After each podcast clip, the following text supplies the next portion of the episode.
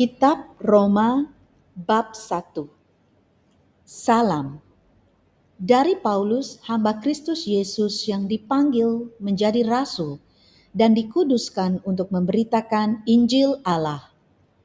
Injil itu telah dijanjikannya sebelumnya dengan perantaraan nabi-nabinya dalam kitab-kitab suci tentang anaknya yang menurut daging diperanakkan dari keturunan Daud.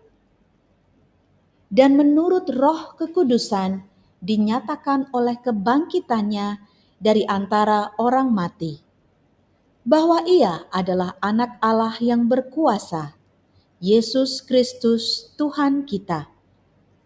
Dengan perantaraannya kami menerima kasih karunia dan jabatan rasul untuk menuntun semua bangsa supaya mereka percaya dan taat kepada namanya.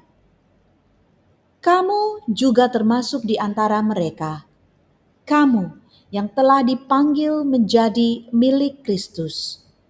Kepada kamu sekalian yang tinggal di Roma, yang dikasihi Allah, yang dipanggil dan dijadikan orang-orang kudus kasih karunia menyertai kamu dan damai sejahtera dari Allah Bapa kita dan dari Tuhan Yesus Kristus. Paulus ingin ke Roma. Pertama-tama aku mengucap syukur kepada Allahku oleh Yesus Kristus atas kamu sekalian. Sebab telah tersiar kabar tentang imanmu di seluruh dunia karena Allah yang kulayani dengan segenap hatiku dalam pemberitaan Injil anaknya adalah saksiku.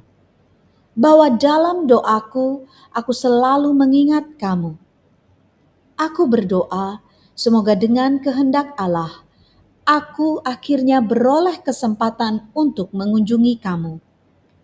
Sebab aku ingin melihat kamu untuk memberikan karunia rohani kepadamu guna menguatkan kamu, yaitu supaya aku ada di antara kamu dan turut terhibur oleh iman kita bersama, baik oleh imanmu maupun oleh imanku.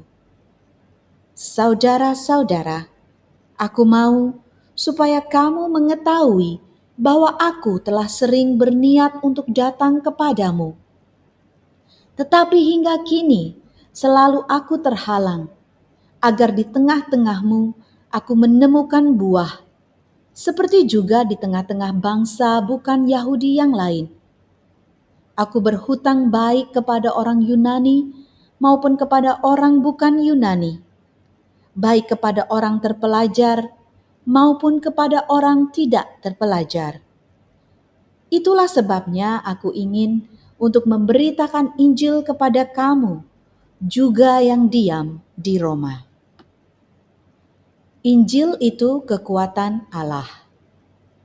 Sebab aku mempunyai keyakinan yang kokoh dalam Injil. Karena Injil adalah kekuatan Allah yang menyelamatkan setiap orang yang percaya. Pertama-tama orang Yahudi, tetapi juga orang Yunani. Sebab di dalamnya nyata kebenaran Allah yang bertolak dari iman dan memimpin kepada iman seperti ada tertulis, "Orang benar akan hidup oleh iman." Hukuman Allah, kefasikan, dan kelaliman manusia. Sebab murka Allah nyata dari sorga atas segala kefasikan dan kelaliman manusia yang menindas kebenaran dengan kelaliman. Karena apa yang dapat mereka ketahui tentang Allah nyata bagi mereka, sebab Allah telah menyatakannya kepada mereka. Sebab apa yang tidak nampak daripadanya, yaitu kekuatannya yang kekal dan keilahiannya, dapat nampak kepada pikiran dari karyanya sejak dunia diciptakan, sehingga mereka tidak dapat berdalih Sebab sekalipun mereka mengenal Allah, mereka tidak memuliakan Dia sebagai Allah atau mengucap syukur kepadanya.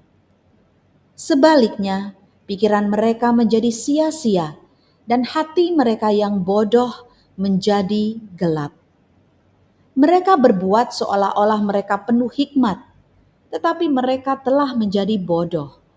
Mereka menggantikan kemuliaan Allah yang tidak fana dengan gambaran yang mirip dengan manusia yang fana, burung-burung, binatang-binatang yang berkaki empat, atau binatang-binatang yang menjalar. Karena itu, Allah menyerahkan mereka kepada keinginan hati mereka akan kecemaran, sehingga mereka saling mencemarkan tubuh mereka.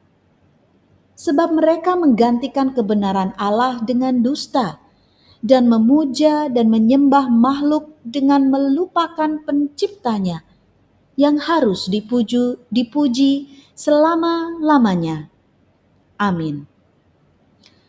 Karena itu, Allah menyerahkan mereka kepada hawa nafsu yang memalukan, sebab istri-istri mereka menggantikan persetubuhan yang wajar dengan yang tak wajar.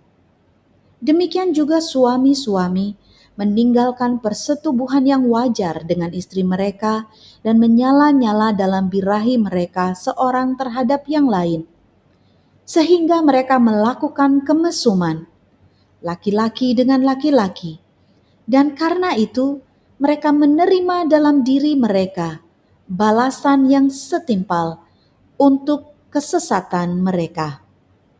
Dan karena mereka tidak merasa perlu untuk mengakui Allah, maka Allah menyerahkan mereka kepada pikiran-pikiran yang terkutuk, sehingga mereka melakukan apa yang tidak pantas.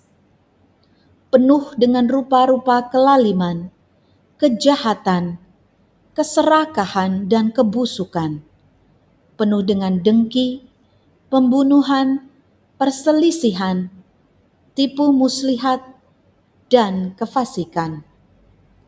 Mereka adalah pengumpat, pemfitnah, pembenci Allah, kurang ajar, congkak, sombong, pandai dalam kejahatan, tidak taat kepada orang tua, tidak berakal, tidak setia, tidak penyayang, tidak mengenal belas kasihan.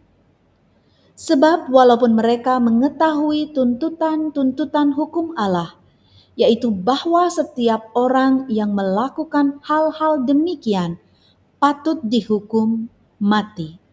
Mereka bukan saja melakukannya sendiri, tetapi mereka juga setuju dengan mereka yang melakukannya. Demikianlah sabda Tuhan. Syukur kepada Allah.